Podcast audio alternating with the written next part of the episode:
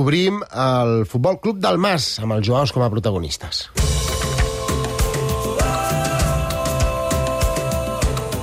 Ja no ens alimenten molles, ja volem el pa sencer.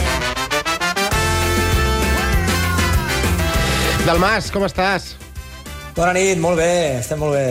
Eh, T'he de fer eh, tres preguntes. T'havia de fer dues preguntes que ja li he fet a, a l'Oriol, la Sònia, el Jordi i el Ricard, però te'n faré tres. Has gaudit avui el derbi, eh, Bandarra? Molt, molt. He gaudit molt. Hi ha algú per aquí a la redacció que no ha gaudit tant, però... Defensa Ripoll, que No gaire, la veritat. He tingut sí. diumenges millors, jo. Europa 3, Sant Andreu els 0. que som escapulats, sí. Molt bé, molt bé. Segona pregunta, ja té a veure amb això que dèiem dels Joaos i, i el Barça. Joao Fèlix en eh, aquesta posició que va jugar ahir d'extrem esquerra o de fals extrem esquerra, creus que guanyarà terreny eh, durant tota la temporada respecte a la fórmula dels quatre migcampistes? Jo crec que hem de ser prudents. Jo crec que ahir fa un partidàs i realment és, és algú que, que, que et genera molt, uh, però crec que era un partit molt favorable per ell, on, on el rival et deixava molts espais, on els centrals, diguéssim, que eren amables per, per als jugadors que van entre línies, on els jugadors de banda del Betis no segueixen massa i, per tant, el lateral era difícil que sortís de zona, però és veritat que va fer un partidàs. Jo el veig com a, en partits molt favorables, és a dir, en partits on el Barça hagi de crear espais, aquí sí el veig, però partits grans jo crec que aniran amb quatre dins. I la tercera pregunta, abans de, de començar a aprofundir tàcticament a, a les figures de Cancelo i Joao Fèlix. Eh, Quin dels dos serà més important durant la temporada, Cancelo o Joao Fèlix? Aquí tots diuen que Cancelo. Sens dubte. Per mi Cancelo. Per mi Cancelo és un salt qualitatiu per a aquesta plantilla. Jo crec que hi ha tres, tres jugadors que et fan el salt qualitatiu dels fitxatges que han arribat. Un és Gundogan, l'altre és la irrupció de la Min, però a poc a poc, i l'altre és Cancelo perquè et permet, ara hi entrarem en detall, no? però et permet múltiples opcions. Avui eh, volies parlar sobre aquests dos, sobre Cancelo i Joao Fèlix. Per quin vols començar? Per Cancelo. Per ja Cancelo? que- Vinga, ja va. que- En quins Sí. rols te li- te l'imagines, a Cancelo al Barça de Xavi? Ja, ja l'estem començant a descobrir, lateral dret, per dins, eh, Mm. amb, amb molt recorregut, amb, amb molts recursos... Sí, eh, me l'imagino de lateral sempre, però hem de tenir en compte que Cancelo té un perfil que pot ser lateral, pot ser interior, fins i tot pot ser extrem, i pot ser les tres coses a la vegada en el mateix partit. Per tant, per això us deia que uh, li permet moltes opcions tàctiques a, a, a Xavi. Uh, permet mantenir el patró que hi ha ara, estirant-se en balde i per tant tancar, perquè ell ho ha fet, permet invertir el patró, és a dir, que el Barça es desplegui per la dreta i que tanqui per l'esquerra, permet jugar amb un 4-3-3 pur o permet jugar amb un altre tipus de sistema, eh? amb un 3-4-3 amb romba, perquè ell es pot adaptar a totes les situacions. Per mi, el Barça actual de Xavi ha arribat a un punt on necessitava donar una clau de volta tàctica. Jo crec que era molt previsible i que tots sabíem com jugaria i crec que Cancelo és la peça que li pot permetre a Xavi canviar coses i crec que Xavi ho ha de fer. Mm -hmm. O sigui, creus que combinarà eh, jugar de lateral dret ocupant zones interiors com va fer a, a, en, en moltes fases del partit d'ahir mm, i jugar més obert a banda, que és la clàssica trajectòria d'un lateral. Sí, sí, sí, ho combinarà. De fet, de fet, ahir ja vam veure canvis. Xavi diu que sempre eh, juguem igual i que depèn dels perfils. No sé si és per perfil o per consigna, però ahir no va ser el Barça del quadrat, sinó que va ser el Barça del pentàgon. Vam veure cinc, moltes vegades Cancelo al costat d'Oriol Romeu. Per tant, jo l'imagino allà.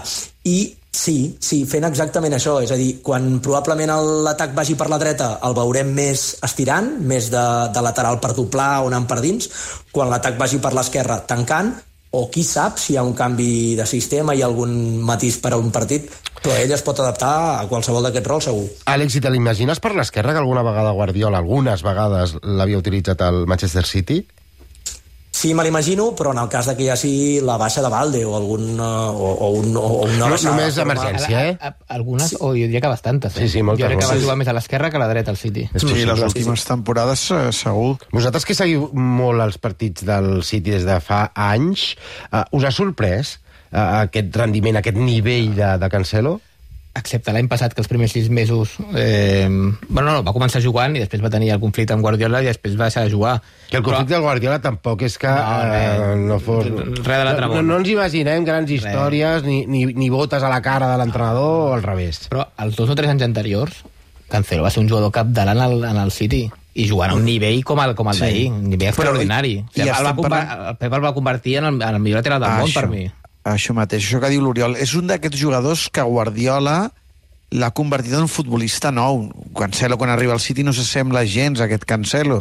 És un lateral carriler llarg, exterior, ofensiu, però és un jugador de banda, és una ala i és Guardiola qui, com ha fet amb altres futbolistes com va fer amb Vidal per exemple quan va arribar aquí a, quan, quan van coincidir al Barça que el converteix en un futbolista que ni Cancelo sabia que podia ser i ara ja ho té assumit. A mi tampoc no m'ha sorprès.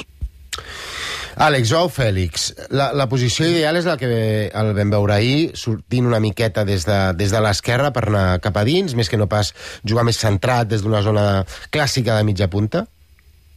Sí, si el Barça manté el patró aquest, perquè ara mateix no hi ha una posició de mitja punta Clar. pur. Jo crec que aquesta és la, és la perfecta. A més a més, des de... Però, però fins i tot ahir se'l se pot arribar a veure més còmode amb aquest perfil que no pas jugant eh, més en una zona centrada, tu creus, o, o no?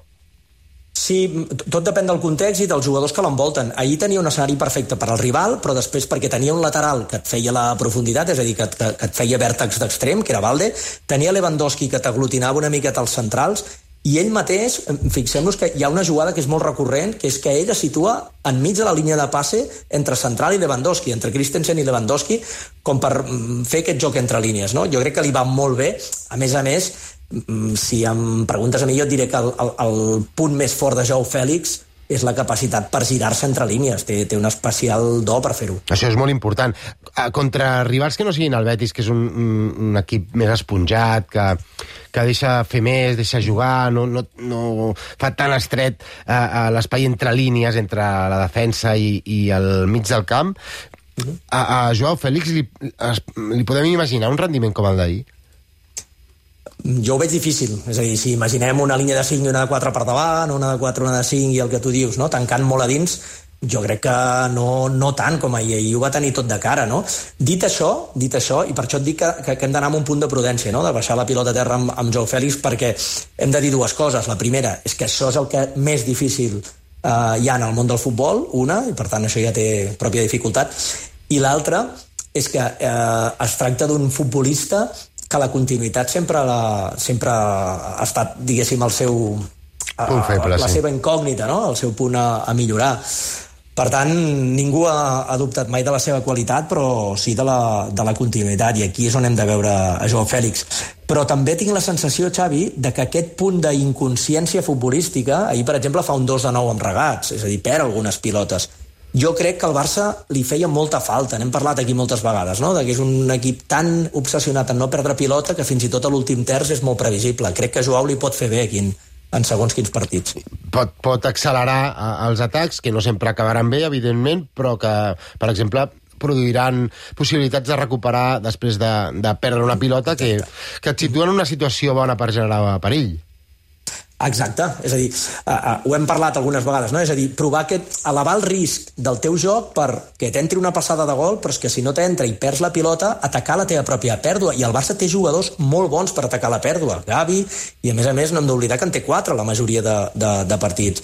És a dir, que també és un argument que jo crec que el Barça no l'ha utilitzat prou i que amb Joao Fèlix crec que el pot tenir més. Enquesta ràpida sobre Joao Fèlix. Us imagineu el nivell que va oferir ahir amb continuïtat, que era, deia l'Àlex i, i també ho comentaves tu, Oriol, ha estat el, el seu punt feble en aquests anys a l'Atlètic de Madrid. Us imagineu un, un rendiment sostingut que sigui realment important al Barça? En els partits que vagin de cara, sí. Sònia? És que aquesta és la gran incògnita i el gran dubte del fitxatge, no? No, no ho sé dir, no ho sé dir. Costa? Jo no, però també et dic que, que després del partit d'ahir miro amb uns altres ulls Joe Fèlix i, i evidentment si juga amb regularitat com va jugar ahir, doncs segurament serà aquell jugador pel qual l'Atlètic de Madrid va pagar, no sé, 125 o 130 milions. Sí, sí, entre 100 127, em diuen. Ricard? No ho descarto. Molt bé. Sí, Àlex? tinc un punt d'il·lusió. Uh, jo no ho crec, perquè és que el nivell d'ell és molt alt, és molt alt, uh, però sí que crec que veurem una bona versió de Joao Fèlix. Eh? I crec en Joao Fèlix. Des de la nit que vam fer l'especial tancament de mercat ja em va fer especial il·lusió el fitxatge. Crec que és un jugador amb moltíssima qualitat, que té més gol del que ens pensem i que serà una de les sensacions de la temporada.